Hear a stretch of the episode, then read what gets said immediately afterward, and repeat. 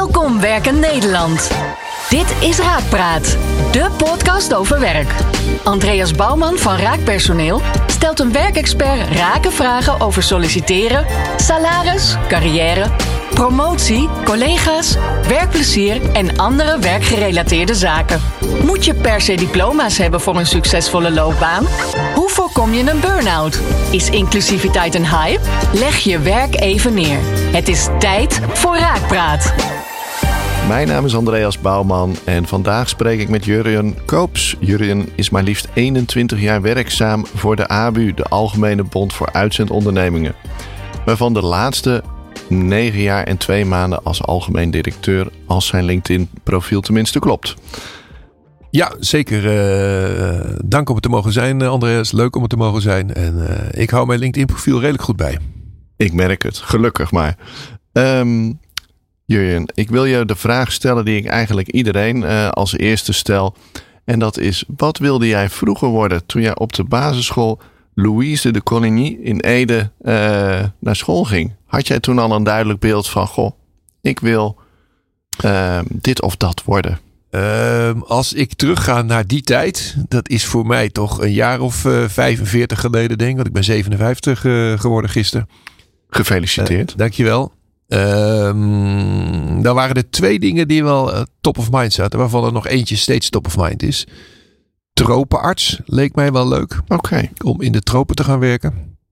Is het uiteindelijk niet geworden. En waarom? Want dat vind ik meteen uh, interessant. Omdat ik tijdens. Uh, ik ben in de studie economie terechtgekomen. En die, dat vond ik ontzettend leuk. Ja. Ik heb op mijn uh, middelbare school. Ik was niet zo goed in de natuur en scheikunde. Ah. Dat zijn de dingen die je wel nodig hebt om uiteindelijk medicijn te kunnen studeren. En ik ben economie gaan studeren en dat vond ik echt heel leuk. En dat ging ook goed. En de andere waar ik uh, nog steeds wel van droom is boswachter. Oké. Okay. Dat heb ik ook wel vaker gezegd. Heb ik ook een keer in een radio-uitzending gezegd. En toen kreeg ik meteen allerlei reacties van mensen die zeiden dat is een hele serieuze baan. Dat is ook een hele serieuze baan. En dat lijkt mij ook wel een, uh, een baan die ik, uh, nou ja, wellicht ooit nog. Ja, er zit misschien nog wel een, een carrière switch uh, dan in. In de buurt van Ede heb je natuurlijk de Veluwe en de Utrechtse Heuvelrug. Ja. Dus, ja, misschien dat het daar wel doorgekomen is. Want wij woonden echt vroeger als kind aan de rand van het bos. het was de straat uitlopen en je kon 40 kilometer in het bos zwerven. Dat ja. was ook mijn habitat. Uh, oh. ben nu woonachtig in Amsterdam. Uh, als je daar in een bos loopt, dan komen de vliegtuigen zeg maar over je hoofd langs. Dus dat heeft weinig met een bos te maken. Het is meer een verzameling bomen. Een Amsterdamse bos. Uh... Het Amsterdamse bos. Maar ik woonde echt aan de rand van, van de Veluwe. En dat was een prachtige omgeving. En boswachter zijn is nog steeds iets wat in mijn hoofd zit. En daar dichter in de buurt wonen, is dat ook nog iets wat, wat in je hoofd zit? Of? Nee, dat zit niet in mijn hoofd. Want mijn okay. partner komt echt uit Amsterdam. En die is verstokt aan Amsterdam. Okay. Mijn kinderen, we hebben vier kinderen, die zijn woonachtig in Amsterdam. En die vinden het prachtig. Ik snap het. Um, nou, uiteindelijk ben je dus economie gaan doen. Wat was de reden dat je dat uh, ging studeren? Dat is op zich nog een redelijk brede opleiding, kan ik me zo voorstellen. Dat heeft wel te maken met iets wat ontwaakt als je zo uh, in je puberteit zit. En uh, als je gaat studeren, maatschappelijke relevantie, maatschappelijke betrokkenheid. dat speelde eigenlijk er wel doorheen. Dat is met de paplepel ingegoten in een gereformeerd gezin. Daar neem je verantwoordelijkheid. dat wordt je met de paplepel ingegoten.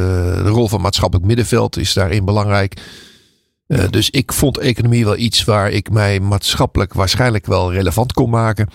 Het was ook een brede studie. Ik vond het op de middelbare school het leukste vak wat ik had. En het leukste vak wat je krijgt is altijd gegeven door de leukste docent die je had. Ja. En ik had een ontzettend leuke docent economie. Die ging ook allerlei maatschappelijke vraagstukken voorleggen. Variërend van inflatie tot werkloosheid. Tot nou, de dingen waar we nu nog steeds uh, over praten. Die deed dat leuk. Dat werkt aanstekelijk. En als het aanstekelijk werkt, haal je goede cijfers. Tenminste, als je er ook nog een klein beetje uh, talent voor hebt. En op de universiteit merkte ik dat ik het heel leuk vond en ook heel goed kon. Of tenminste goed was in het vak. Ja. Dus vandaar. Ja, ik kan me zo voorstellen als je maatschappelijk relevant uh, wilt zijn, is misschien wel de meest maatschappelijk relevante functie die ik kan bedenken, iets in de politiek. Heeft je dat toen ook in die studententijd uh, uh, iets daarna, want ik ben uh, begin jaren negentig lid geworden. Dus ik was, ik was het niet, maar vlak na mijn studententijd ben ik het wel geworden. Ja. Ik ben toen lid geworden van het CDA. Mm -hmm. uh, en, maar maatschappelijke relevantie kun je op heel veel meer plekken invullen dan alleen maar via de politiek. Maar dat was natuurlijk wel een van de dingen. Maar ik ben toen na mijn studie bij het CNV begonnen. Oké. Okay, ja. Bij de vakbond. En dat paste op dat moment heel goed bij wat ik leuk vond. En waar ik dacht ook, nou ja, mooie dingen te kunnen doen. En daar heb ik zeven jaar eh, met heel veel plezier gewerkt. Ja, en ehm, ik heb ook gezien, en dat zei je net even in het vorige gesprek ook, eh, dat je uiteindelijk bij Start terecht bent gekomen. Een uitzendbureau, uitzendorganisatie. Zag jij toen ook al van ja, Start heeft een maatschappelijke relevantie, maatschappelijk nut? Ja, zeker. Eh, dat zag ik toen al. Kijk, ik ben eh, bij het CNV begonnen. Of eigenlijk mijn tweede baan was dat. Ik heb nog een tijd op de universiteit gezeten daarvoor. Maar aan de eindperiode bij het CNV eh, raakte ik onder andere betrokken bij allerlei reorganisaties. En bij wat toen nog heette sociale plannen en van werk naar werk. Mhm. En als het toen ging om van werk naar werk, ging het over bedrijven die moesten reorganiseren, waar mensen weg moesten. En waarvan er gezocht werd naar een partij die die mensen misschien in dienst zou kunnen nemen. Om ze vervolgens voor een periode van een jaar te kunnen detacheren. Ja, Waarmee ze inkomenszekerheid hadden, werkzekerheid hadden. En uiteindelijk via een uitzendbureau door konden stromen naar een baan elders. Dat deed Start. Er waren geen andere uitzenders die dat deden. Mocht ook niet altijd. oké. Maar Start liet duizend bloemen bloeien en was heel creatief. En daar is toen mijn eh, betrokkenheid bij de uitzendbranche ontstaan. En vanuit eh, de rol bij het CV ben ik op een gegeven moment gevraagd bij Start om daar te komen solliciteren. En nou, van het een kwam het ander. Dus dat heb ik toen gedaan. En waarom eh, mocht dat niet? Van werk naar werk? Omdat het was nog voor 1199. Ja. En detacheren was toen iets wat eigenlijk niet kon. Je kon uitzenden, maar je kon niet detacheren. Mhm. En Start deed dat wel. Dus die bood gewoon arbeidsovereenkomsten van een jaar. Zonder dat daar eh, wat voor een eh, opdrachtgever dan ook tegenover stond. En kon op die manier, daar, kwam, daar kwam ook WW-geld bij. Toen was de arbeidsmarkt echt nog veel creatiever te maken. Dus toen werd er WW-geld werd er toegevoegd. Er werden opdrachtgevers toegevoegd. Er werden eh, jaarovereenkomsten afgesloten. En op die manier kon je mensen die hun baan dreigen te verliezen, kon je werkzekerheid bieden. Ja. Die kon je een inkomen in het vooruitzicht stellen. Die kon je zeg maar een soort springplank naar een volgende baan bieden. Eigenlijk uitzenden avant la lettre of van werk naar werk avant la lettre. En eh, nou ja, van de ene, van de ene eh, moment ben ik, het andere moment ben ik bij start volgens terechtgekomen. Ja, die toen blijkbaar toch een soort uitzonderingspositie hadden om, om dat te kunnen doen. Sinds 2002, als ik me goed heb eh, geïnformeerd, eh, werk je bij eh, de ABU. Van waar die stap daar naartoe? Nou, omdat ik merkte bij start deed ik veel op het terrein van business development. Vond ik ontzettend leuk. Maar was ik meer met de business bezig dan met de maatschappelijke kant eromheen en de wat meer politieke kant eromheen. Ja. Dat was bij de ABU natuurlijk precies andersom. Daar ben je iets minder met de business bezig en daar ben je iets meer bezig met de belangenbehartiging. Dus iets meer met de politieke kant en iets minder met de businesskant. Dat miste ik een beetje bij start. En start raakte in een reorganisatie. En op een gegeven moment dacht ik, dat gaat eh, ongetwijfeld een keer dichterbij komen. Dus ik ga andere dingen doen. En zo ben ik eigenlijk bij de ABU terechtgekomen. Ook al omdat ik vanuit start bij de ABU rondliep. Net zo goed als dat mensen van Raak bij de ABU in commissies zitten. Zat Ja. ik vanuit de start bij de ABU in commissies. En de toenmalige directeur die dacht, hé, hey, dat is wel iemand die we hier misschien zouden kunnen hebben. Dus die vroeg mij op een moment of ik daar wilde komen werken. En toen zei ik in eerste instantie nee. En toen hij het een jaar later nog een keer eh, vroeg, toen zei ik ja. Ja. En eh, toen ben ik de stap gemaakt. Dus bij 1-1-2002 ben ik overgestapt van start naar de ABU. En wat je daar machtig mooi is, is dat je echt op het snijvlak zit tussen aan de ene kant de business en de commercie. Mhm. En aan de andere kant het hele politieke context om de branche heen. En er is geen branche in Nederland, denk ik, Ja. waar zoveel politieke, maatschappelijke inmenging in is als eh, rondom de uitzendbranche. Want noem maar een onderwerp op. Of het nou gaat over arbeidsmigranten, of het gaat over flexibiliteit, of het gaat over een inclusieve arbeidsmarkt, of het gaat over werk naar werk. Het raakt aan het werk in deze prachtige branche.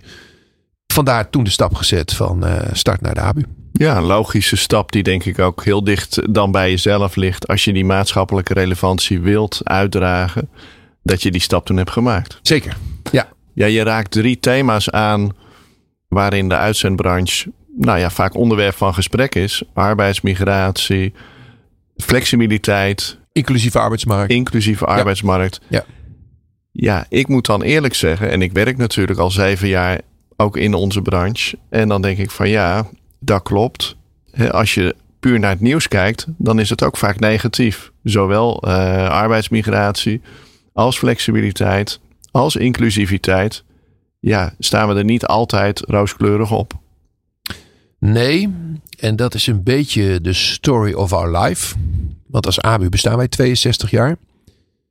En uh, de uitzendbranche heeft eigenlijk voortdurend een imago-vraagstuk. Ja. Uh, was het in de jaren 50 en, of jaren 60 en 70 de koppelbazen.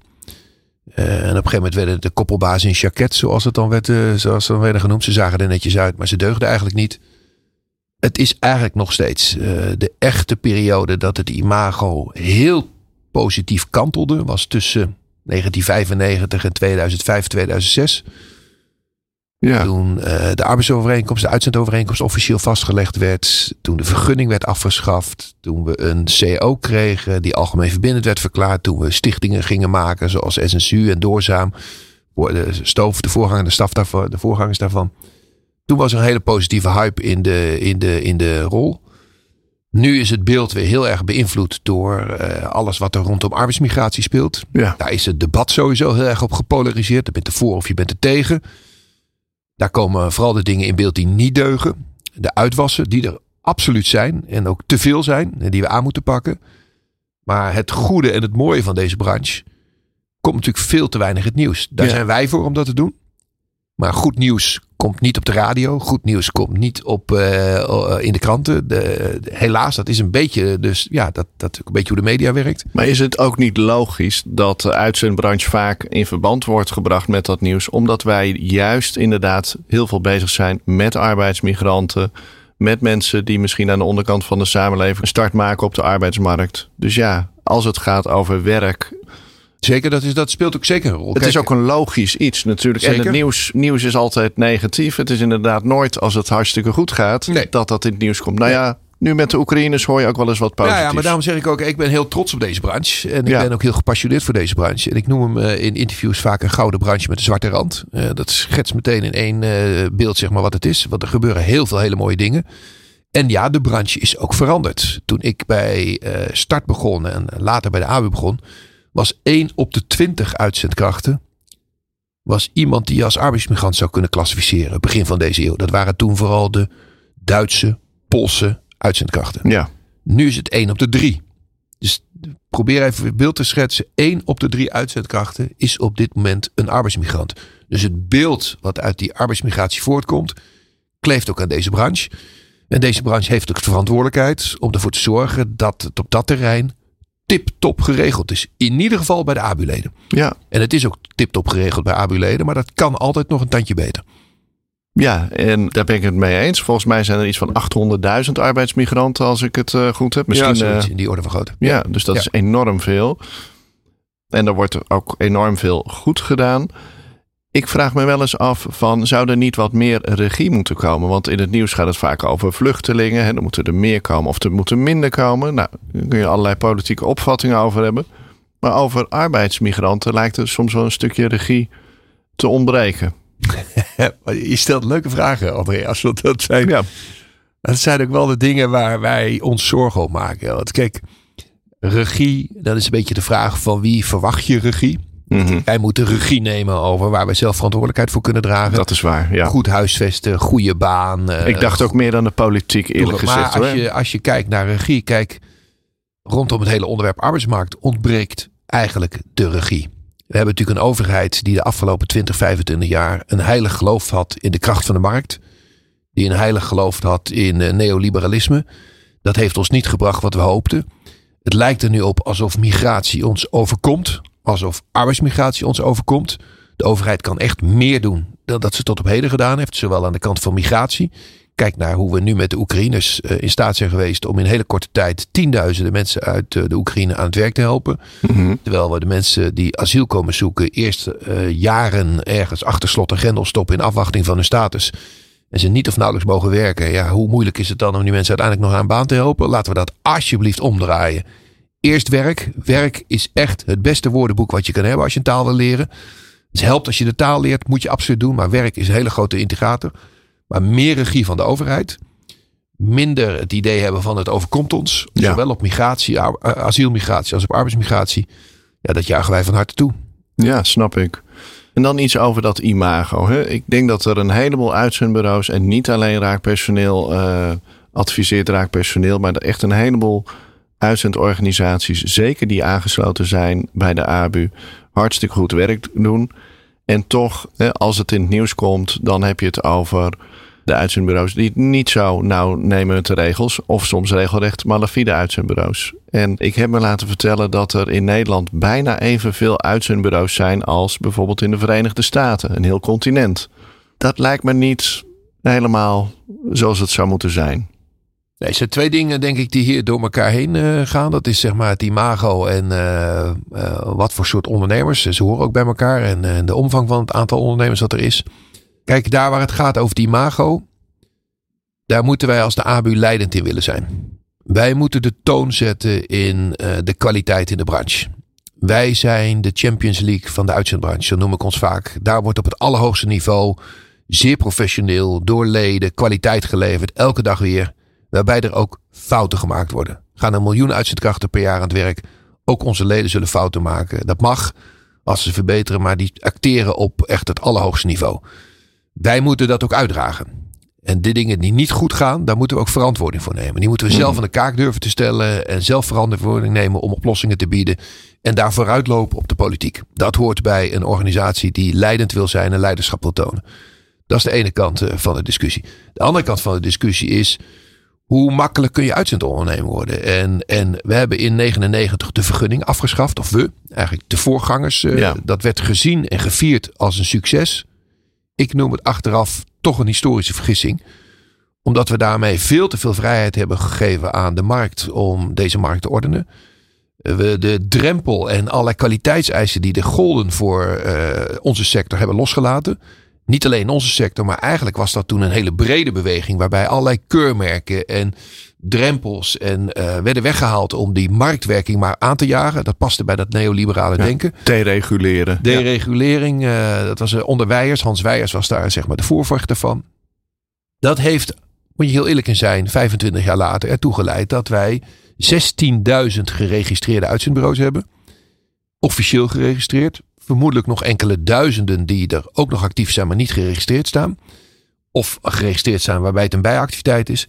Ja, dat is net zoveel als mijn Amerikaanse collega er in uh, de hele Verenigde Staten heeft. Ja, of hij doet iets niet goed, of wij doen ja. iets niet goed. En ik houd liever bij onszelf. Dat is nooit de bedoeling geweest van de afschaffing van de vergunning. Het is nee. te gemakkelijk, te vluchtig. Te gemakkelijk en te vluchtig. En daardoor krijgen de klaplopers, de jongens die ons het zwarte randje bezorgen, veel te veel kans. Ook doordat het ontbreekt aan adequate overheidhandhaving. Want je maar komt nu, ermee weg. ja, nu komt niet het vergunningsstelsel weer terug, maar iets wat erop lijkt. Certificaten, geloof ik. Ja. ja. Ja, er komt iets terug wat uh, de ordening opnieuw uh, moet aanbrengen. En uh, dat, dat heet geen vergunningen, want het is publiek-privaat georganiseerd. De ja. minister is verantwoordelijk voor het certificaat en voor de normen in het certificaat. Privaat wordt het uitgevoerd. Dat moet er wat ons betreft toe bijdragen dat de malafide ondernemingen echt uit de markt worden geweerd. Geen kans hebben. Foute inleners ook geen kans krijgen om met foute uitzendbureaus zaken te doen. En de markt weer gezonder maken. De vluchtigheid eruit halen. Ook een drempel opwerpen om niet zomaar te beginnen.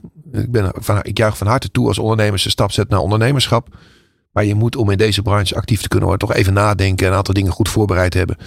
En ik hoop dat, dat, uh, dat dit stelsel gaat bijdragen aan een meer gezonde markt. Zou niet een simpele oplossing zijn dat ze gewoon verplicht lid moeten worden van een van de twee brancheorganisaties? Of is dat uh, te simpel gedacht? Nee, verplicht lid worden niet, want dan moet ik ook de bedrijven aan gaan sluiten die, uh, die nou het ja, als een moedje zien. Nee, maar er zijn natuurlijk toelatingseisen die jullie hebben. Jullie controleren. Ja. Ja. Dus er zijn kwaliteitseisen, om het zo maar even te noemen.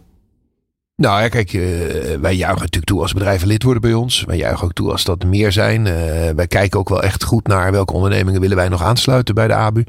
Maar wij gaan niet voor veel. Wij gaan voor goed. Ja, helder. Maar als ik het goed beluister, moeten er dus ook wel een flink aantal uitzendbureaus uh, minder zijn. He, dat zou goed zijn voor, zou voor ons zijn voor de markt. Gezond zijn voor de markt, goed voor ons imago. Ja. Gaat ook gebeuren. Kijk, gaat ook gebeuren omdat Althans, ik denk dat het gaat gebeuren, omdat uh, als je vooruit kijkt uh, de komende jaren, dan krijg je en het certificaat, wat louterend gaat werken, waardoor de vluchtigheid eruit gaat en de drempel wordt opgeworpen. Je gaat te maken krijgen met een aanpassing in uh, de uitzendregels, het uitzendregime, minder ja. flexibiliteit. Je zult meer risico moeten nemen, ander soort ondernemerschap. Er zullen consolidaties plaats gaan vinden. Je hebt de arbeidsmarkt. Het is de meest pregnante invloed die er gaat krijgen. Die er gaat komen de komende jaren op uitzenders. De krapte gaat uitzenders ook dwingen om anders te acteren. Het gaat niet meer op de voet zoals het de afgelopen 15 jaar gegaan is sinds de financiële crisis. Toen was uitzenden voor een deel ook echt gericht op het moet goedkoper en flexibeler. Het moet nu gewoon beter, met meer bestaanszekerheid, met meer risico's ook voor de uitzendondernemer. En met de focus op toegevoegde waarde. Toegevoegde waarde voor je uitzendkracht en toegevoegde waarde op, uh, voor je klant. Ja, ik volg dat helemaal en ik uh, ben het er denk ik ook mee eens. Uh, soms hoor ik van ja, uitzendbureaus zijn voor piek en ziek.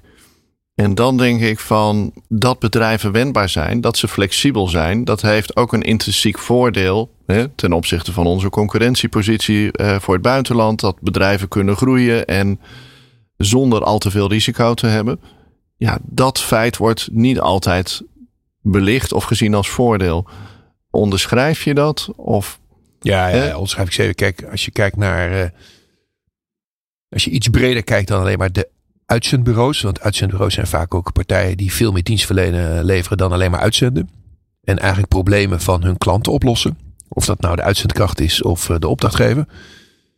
Ik zeg ook al tegen uitzenders: wees niet verliefd op het product wat je verkoopt. Maar wees verliefd op de oplossing die je biedt aan de opdrachtgever. En als dat vandaag met uitzenden is, doe je dat met uitzenden. Maar als dat morgen met werving en selectie is of met data vast, moet je dat vooral doen. En volgens mij is Raak vooral ook heel erg gericht op de doorstroom naar een vaste baan met de opdrachtgever. Zeker. Ja. Eigenlijk klassieke uitzendformule zoals die ooit bedacht is. Maar ja, wij bieden wendbaarheid. En dat is ook piek en ziek. Maar dat is ook structurele wendbaarheid. Waarbij bedrijven zich echt structureel flexibel kunnen organiseren. Niet alleen op basis van piek en ziek, maar ook op basis van veranderende marktomstandigheden. Verwachtingen die je over vijf jaar hebben. Dat hoort er ook bij. Maar ik denk dat de focus van de uitzenders voor een deel moet verschuiven van heel erg op de opdrachtgever gericht naar veel meer op de kandidaat gericht. En hoe zorg je ervoor dat je die kandidaten die je uiteindelijk hebt, dat je die ook aan het werk hebt en houdt. Ja, en, uh, want krapte is echt de komende 20, 25 jaar onder ons. We hebben geen ervaring met hoe het is om 10, 20 jaar lang in een krapper wordende arbeidsmarkt te werken. Als we het gehad hebben, was het steeds één of twee jaar. Vlak voor de financiële crisis, vlak voor de coronacrisis, vlak voor de Twin Towers uh, begin van deze eeuw. Altijd één of twee jaar. En toen kwam er een majeure happening en was het effect weg. Nu blijft het. Ja, ik denk dat een belangrijke oorzaak puur de demografie is, de vergrijzing. Uh, de boom 45, 75, ja. 30 jaar lang enorm veel kinderen geboren. Ja, dat betekent dat er nu tot het jaar 2050, uh, gok ik, ja, heel veel mensen met pensioen blijven gaan. Zeker. Um, bedenk, bedenk, bedenk dat toen we deze situatie uh, eind jaren 90 voor het eerst kregen, toen was de arbeidsparticipatie nog relatief laag. Ouderen werkten veel minder, ja. vrouwen werkten veel minder. Dus de arbeidsparticipatie was laag. Nu hebben we bijna, bijna iedereen doet mee. En probeer dan maar eens meer mensen aan het werk te krijgen. Of de mensen die werken langer en vaker aan het werk te krijgen. En daar zit volgens mij ook de sleutel voor veel uitzendbureaus. Want uitzendbureaus moeten steeds meer inspanningen leveren om de mensen te vinden die ze op de baan kunnen zetten. Dat betekent dat de productiviteit afneemt. En ze vergeten vaak, als je uitzenders vraagt, wat ga je doen aan de krapte? Dan zijn de eerste drie antwoorden vaak, ik ga beter naar buiten kijken. Beter zoeken, beter, beter zoeken. Uh, andere tools. Maar goud uh, ja. zit in jouw bedrijf zelf. Dat zijn de mensen die je al aan het werk hebt. Of de mensen die je ingeschreven hebben. Super herkenbaar. Uh, heb ik... Gelukkig. en heb ik wel een, een, een meteen ook een soort van vraag over. Misschien ook zelfs wel een tip. Van ja, daar zijn wij natuurlijk ook naar op zoek. Hè? De, dat goud zit al bij ons. En we kunnen die mensen ook beter helpen. En we zouden ook graag nog meer als werkgever gezien worden door al onze uitzendkrachten. Alleen, ja, zoals je zelf ook al zei, we zijn vaak wel een tijdelijke werkgever. Mensen groeien door heel vaak naar een vaste baan. Hoe kunnen we nou toch die binding versterken en nog meer gezien worden als werkgever door die uitzendkracht, zolang die bij ons is en misschien zelfs wel daarna. Voor mij begint dat met het gesprek. Dat klinkt heel ja. blasé, maar dat begint gewoon met zorg dat je de uitzendkracht of je medewerker kent. Ik spreek nog te vaak uitzenders waarbij er gezegd wordt: die incidenten spreken één keer per jaar met de uitzendkracht. Kan je ja. geen serieus werkgeverschap invullen. Kun je niet weten waar die man of vrouw van droomt. Het begint gewoon met goede gesprek. Het begint ook om intern in de organisatie na te denken over hoe zorg ik ervoor dat ik de man of vrouw niet alleen op de baan van vandaag plaats, maar op de baan die daarna komt. Dus probeer in loopbaanpaden te denken, probeer in carrièrepaden te denken. Vandaag hier en dan misschien volgend jaar daar. Routekaart, uh, ja, precies. dat ja. soort dingen. Kijk naar, ik help vandaag op baan A, maar baan B en C zitten daar dichtbij. Dat kun je met big data kun je dat behoorlijk eh, voorspellen. Tenminste, inmiddels kun je dat behoorlijk Ja. voorspellen. Vandaag dit, maar morgen heb je daar ook kans. Dat helpt. Investeer fors in opleiding en ontwikkeling. Mag ik even inspelen op die routekaart? Want Ja. dat is iets wat wij toevallig, nou niet geheel toevallig, maar waar wij mee bezig zijn. Zijn er organisaties die dat al heel erg goed doen? En Ja. ja. Ja, ik zou dan je oor te luisteren leggen bij het UWV. Mhm. Want die zijn op basis van big data ook aan het nadenken. Niet aan het nadenken, maar die hebben al in beeld gebracht. Wat zij de zogenaamde overstapberoepen noemen. Vandaag zit ik in dit beroep. En deze cirkel zijn overstapberoepen waar je relatief makkelijk heen kan. Omdat je skills grotendeels overeenkomen. En de vakkennis je in die baan wel wordt bijgebracht. Ik weet dat de Algemene Werkgeversvereniging Nederland dat doet, de AWVN. Want die zijn de beheerder van alle functieclassificatiesystemen. Dus die kunnen ook op basis van die functieclassificatiesystemen functies ontrafelen in allerlei competenties en zo zoeken wat Ja. er dicht bij elkaar zit. Ik weet dat onze leden het heel erg actief doen, die op big data zitten. En daarmee proberen ze als het ware die loopbaanpaden of die nou ja, eh, overstapberoepen vorm te geven. Wij, hè, wij doen dat ook. En ik denk wel, eh we hebben een afdeling die zich heel erg bezighoudt met bijscholen, met omscholen, met precies dat stuk. Wat eh, dan opvalt, is dat daar wel veel maatwerk nodig is. Dus er is, het is ook een groeiende afdeling binnen, ons, binnen onze organisatie.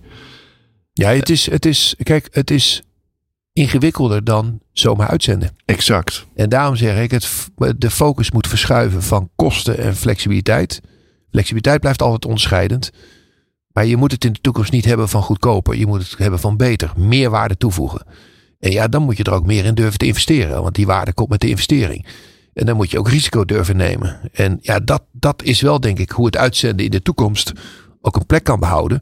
En nou, wat ik al zei, het zit in, het zit in die loopbaanpaden, het zit in opleiden trainen. Maar het zit ook in, durf je de mensen... Ik trok de parallel eh, onlangs met de technische sectoren... waar ze de jongeren een werkgarantie geven van 10 jaar. Ja, ja dat, is, dat moet je durven inderdaad. En dat Zo, eh, stel je eens voor dat je dat als intermediair zou durven doen. heel krachtig. Ja. Je zegt, joh, ik geef jou een overeenkomst voor vijf jaar. En in die vijf jaar tijd garandeer ik dat jij dit, dit en dit leert. Eh met dat en dat en dat soort opdrachtgevers. En, dan gaan, en na vijf jaar ga je veel beter weg dan dat je bij mij gekomen bent. En ik weet dat intermediairs dat doen. Die zijn daarna op zoek. Nou, dat is, dat is dus ook spelen met je contracten die je durft aan te gaan. Eh, maar het begint echt met zorg dat je de medewerker spreekt. Dat je Precies. hem kent, dat je hem tussen de ogen kijkt. Dat je weet waar hij van droomt. Nou, techniek kan helpen om, eh, om die matches te maken. Dan niet per se op cv, maar op competenties. Ja. Daar kan big Ja. data, AI enzovoort allemaal mooi op helpen. Zeker. Maar uiteindelijk moet je wel iemand in de ogen kijken. En moet iemand het ook zelf heel graag willen. Er moet intrinsieke motivatie zijn. En als ik daarop kom en je hebt dus toch die, al die gesprekken weer nodig. Denk je dat er meer of minder manuren binnen de uitzendwereld nodig zijn om al die gesprekken te voeren? Want ja, als ik je goed beluister, is er steeds meer werk eigenlijk nodig. Uh, dat hangt er een beetje vanaf in welk segment je van de uitzetmarkt wil gaan begeven. Of welk segment je van de bemiddelingsmarkt wil gaan begeven. Want als je kijkt naar een deel van de bemiddeling, gaat gewoon via de telefoon. Ja. Dat is wat nu voor een deel ook bevolkt wordt door de platforms. Al dan niet werkend met zelfstandigen, dan al werkend met uitzendkrachten. Dat is heel snel. Dat is operationeel excellent. Dat is op maat. En ik noem dat vaak work as a service. Het is voor de, voor de, de jongere medewerkers, de jongere uitzendkrachten, is het drie klikken en ik ben bij de baan. Je bedoelt bijvoorbeeld voor een horeca-app die gewoon in drie Wat klikken het- het een nieuwe baan. Ja. Piek en ziek. Toen ik bij de uitzendbranche kwam, was dat echt nog eh, heel manifest. Dat wordt deels overgenomen door digitale platforms, door digitale matchingstools. En daar is het gesprek veel minder relevant. Want die man of vrouw wil gewoon snel daar zitten. Die wil een hoog netto loon hebben. Die wil ontzorgd worden. Net zo goed als die opdrachtgever ontzorgd te worden. Mhm. Dat is een deel van de markt. Daar komen niet veel manuren in gesprekken. Maar daar komen andere soort manuren bij. Data, technologie, eh, dat soort dingen. Het andere deel van de markt zit veel meer op het zijn van een werkgever. En het zijn van een aanstekelijk werkgever. Zoals Wim Davids het altijd zegt. ja. Daar moet je gaan onderscheiden. Daar gaat de krapte ook uh, heel manifest worden. Daar gaan de regels strakker worden. Want daar ga je gewoon met minder flex te maken krijgen. Dus ja, daar moet je je wel positioneren op je waardepropositie. En die waarde zit dan in het goed werkgeverschap. Ja, interessant. Nou, dan denk ik dat we bij Raak eh, wat dat betreft op de goede weg zijn. Dat weet ik wel zeker, uh, Andrea. ja. Complimenten. Dus uh, dank je wel. En wij gaan ons zeker niet onderscheiden als, uh, ja, als, als platform. Daar zijn anderen weer goed in. Als sector als geheel, welke uitdagingen staan ons nou op korte termijn uh, te wachten? Want er is best wel veel in beweging, veel in transitie. Oh, dat is een hele brede vraag, Andreas. Kijk, als ik kijk naar de uitdagingen voor de branche, dan zijn er een paar, denk ik. Ik denk dat de grootste uitdaging is wel hoe gaat de uitzendbranche om met een krapper wordende arbeidsmarkt. Ja. Ik heb het er net al even over gehad. Dat is iets wat we wel af en toe ervaren hebben, maar waar we nog niet zo goed raad mee weten. Hoe positioneren intermediairs zich nou in die krapper wordende arbeidsmarkt? Dat is denk ik uitdaging nummer één. Uitdaging nummer en, twee. En, en, ja, en, en wat zouden mogelijke oplossingen kunnen zijn? Want je ziet natuurlijk uh, salaris. Nou, kijk, ik denk dat de meest. Als je het hebt over die krapper wordende arbeidsmarkt, is het ik moet meer aanbod mobiliseren. Dat Ja. is eigenlijk oplossing nummer één. Er moet meer gewerkt worden. Dus meer uren maken, dat soort dingen. Of we moeten slimmer werken. En slimmer werken is eigenlijk gewoon een keer banen te veel. Dus wegautomatiseren van banen, verplaatsen van banen. Zodat de mensen die dan vrijkomen op andere plekken neer kunnen zetten. Als je daar doorheen probeert te kijken. Kijk, je hoeft uitzenders niet uit te leggen dat ze dan ook gaan kijken naar asielzoekers. Of dat ze gaan kijken naar mensen die in de Nieuwe doelgroepen, Dat, ja. dat doen ze al. Hè. Daar hebben we ook soms gespecialiseerde uitzenders voor. Wat een veel grotere uitdaging is en waar de meeste winst te behalen is, is werk anders organiseren. Ja. Dus bij opdrachtgevers helpen het werk anders te organiseren, zodat het werk past bij de mensen die ze misschien al hebben, maar waardoor ze een uurtje meer gaan werken. Of past bij de mensen die ze nu nog niet hebben, maar eh, wel gaan krijgen, omdat het bij de mensen past die nu nog langs de kant staan. En we hebben heel veel ervaring opgedaan. Dat weten we niet, maar in coronatijd Ja, de baan aanpassen aan de moesten we ja, echt ja, het werk aan gaan passen aan de mensen. Exact. En konden we in korte tijd 50.000 extra mensen mobiliseren om helemaal rondom die corona-hectiek in de testcentra, eh, achter de telefoon, eh, bij de analyse van de prikjes. eh, daar werd werk werd op maat georganiseerd. Ik herken het omdat het in mijn eigen gezin binnenkwam. Ik heb vier kinderen waarvan mijn dochter heel intensief in die periode gewerkt heeft voor een uitzendbureau. Mhm, Dat werk werd op haar maat gesneden. Het mocht een uur per week, twee uur per week, drie uur per week. Je mocht kiezen welke dag. Ze werden thuis opgehaald met de auto. Of Ja. met een busje. Ja, Omdat die testcentra op plekken zaten waar je met openbaar vervoer niet kon komen. Dus als je het werk anders organiseert. Zodat je met minder mensen meer kan doen. Bijvoorbeeld in de zorg. Maar ook in dit geval dat je bij mensen terechtkomt. Dat is denk ik een rol die de uitzenders naar zich toe zouden moeten trekken. Help het werk anders te organiseren. ja, en die hulp moet dan bestaan uit het optreden als sparringpartner met die opdrachtgever Ja. om dat anders te organiseren. Ja, ja. En, en dat is iets wat ze nu nog niet zoveel doen, maar waar denk ik wel echt in de toekomst het meeste winst te behalen is. Want we zullen toe moeten naar, dat is ingewikkeld, ook in de uitzendbranche. Hoe krijgen we meer mensen aan het werk? Door ze regie te geven over hun eigen tijd. Door ze daar de autonomie in te geven. Door het zelf te laten bepalen. Waarom is er zo'n enorme uitstroom in de gezondheidszorg naar het ZZP-bestaan? Dus niet omdat mensen heel veel meer verdienen. Ook. Maar vooral dat ze regie mogen nemen. Autonomie, hè? Ja. Autonomie, regie Ja. mogen nemen.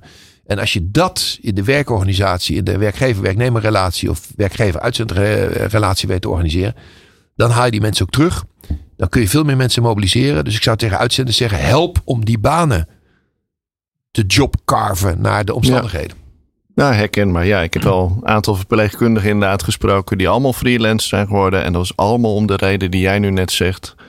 Ja, ik wil die autonomie, ik wil regie over mijn eigen uren. Ik wil niet overwerken omdat ik afspraken heb, enzovoort, enzovoort. Durf daar als uitzendbranche ook mee te experimenteren met vormen van zelfroosteren. Ja, Geef de mensen de gelegenheid om hun eigen roosters in te vullen. En je zult zien dat je die donderdagavond wel gevuld krijgt, waar je hem nu niet gevuld krijgt. Omdat mensen weten, hé, hey, geef ze die regie. Nou, daar, daar zit voor de krapte denk ik een enorme uitdaging. Want je vroeg naar wat zijn de uitdagingen. Krapte is denk ik een hele grote uitdaging. Wat ook een grote uitdaging is, is de veranderende wet en regelgeving. Wat gaat die betekenen voor de uitzendbranche? ja. Die gaat het werk toch nog weer wat complexer maken, terwijl het al zo ongelooflijk complex is. Die gaat het ook in stapjes toch nog wat duurder maken, terwijl het al echt stevig aan de prijs is.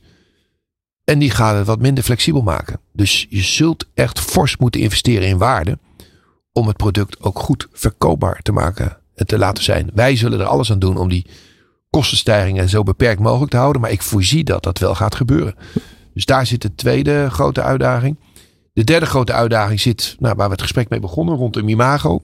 Wij zullen als branche mee moeten met wat ik vaak noem de verduurzamingsslag die ondernemers in zijn algemeenheid moeten maken. Want Ja. of je nou een boer bent anno 2023, of je bent Unilever, of je bent Vattenfall, of je bent Raak. Ja, Je moet meebewegen met je maatschappelijke context. En die maatschappelijke context stelt andere eisen aan de uitzendbranche nu dan dat ze dat 20 jaar geleden deden. Meer bestaanszekerheid bieden. ja meer duurzaamheid in andere woorden. En ik Ja. noem dat vaak sociaal verduurzamen. Waar Ja. anderen ecologisch verduurzamen of eh, op een andere manier verduurzamen. Dat is een enorme uitdaging waar de branche in zijn totaliteit voor staat. Maar ook iedere individuele onderneming. Want je wordt daar steeds meer op aangesproken. En terecht. Ja, ik denk ook dat het terecht is. En het is een complexe uitdaging voor uitzendondernemingen. Juist omdat ze sommigen in ieder geval van, van oudsher natuurlijk flex, kort, kortdurende cycli en niet per se duurzaam hun blik hebben. Ja. Maar goed, wij zijn daar hard mee bezig. En eh, mijn slotvraag is eigenlijk de ABU. Ja, waar gaat die zich eh, komende tijd op focussen? Is dat de ondersteuning van al haar leden om die veranderingen te realiseren? Is dat de kern? Ah, Als je het heel hoog over bekijkt, eigenlijk wel. Kijk, wij zijn er niet voor vandaag en morgen ook. Maar wij zijn er voor de continuïteit van de branche. En de gezondheid van de branche. En de gemeenschappelijke belangen die we daarin hebben. En we hebben eigenlijk drie pijlers waar onze strategie op gestoeld is. Eén is, wij willen investeren in de kwaliteit van de branche. Mhm. Dus de kwaliteit van het ondernemerschap, de kwaliteit van de onderneming, de kwaliteit van de, de regels. Ik noemde onszelf Champions League niveau. Dat willen we ook de komende vijf jaar eh, overeind houden. Kwaliteit bieden. Tweede is maatschappelijke impact. Dus het faciliteren van die transitie waar we over spraken. Hoe kunnen wij die maatschappelijke footprint van de branche verder vergroten en verder uitdragen? Dus beter doen en beter vertellen. Ja. En het derde is, we willen een sterke vereniging zijn. Want zonder leden zijn wij helemaal niets. Wij zijn er van en voor de leden. Ze komen op de eerste plaats, ze komen op de laatste plaats. Wij doen alles voor onze leden. Dus we bewegen ook mee met waar onze leden heen mee bewegen. Eh, maar dan moeten we een sterke vereniging zijn. Een sterke vereniging ben je als de binding met de leden goed is. Als leden waarde ervaren uit het lidmaatschap. Als leden betrokken zijn. Dus we investeren ook in een sterke vereniging. Door dicht bij de leden te staan en ze te helpen met de vragen waar ze nou, elke dag mee worstelen. Eh, dus dat zijn eigenlijk de drie pijlers. Nou, die laatste pijler, eh, dicht bij de leden staan, staat heel erg bij een van onze kernwaarden. Dichtbij zijn. Eh, ik heb dat wel eh, mogen ervaren. Dat, ik werk zeven jaar bij Raak. En dat de binding met de ABU ook wel sterker is geworden. Het is natuurlijk ook niet voor niks dat we elkaar spreken nu. Dus wat dat betreft al een compliment voor wat jullie hebben bereikt. Ben ik nog iets vergeten te vragen wat je zegt van nou, dat wil ik nog even benoemen? Of heb je het gevoel, ja, de zaken die we hebben aangeraakt hebben we goed besproken? Nou, je hebt het meeste wel aangeraakt. Ik heb niet zo heel veel eh, dank om het te mogen zijn. Eh waardeer het zeer dat jullie ons uitgenodigd hebben. En eh, blijf doorgaan op de goede voet waar Raak mee aan de slag is. Heb ik ook ervaren in de gesprekken die we hebben met, met, met jullie ondernemen, met jouw mensen. Blijf erop doorgaan, want jullie zitten op goed spoor. En mooi ook om vandaag een bijdrage te mogen leveren. Hartelijk dank voor je komst, Jurjen. Graag gedaan. Bedankt voor het luisteren naar Raakpraat. Binnenkort weer een nieuwe aflevering met Andreas Bouwman en een verse werkexpert. Meepraten? Check de show notes en abonneer je op onze podcast. Werk ze!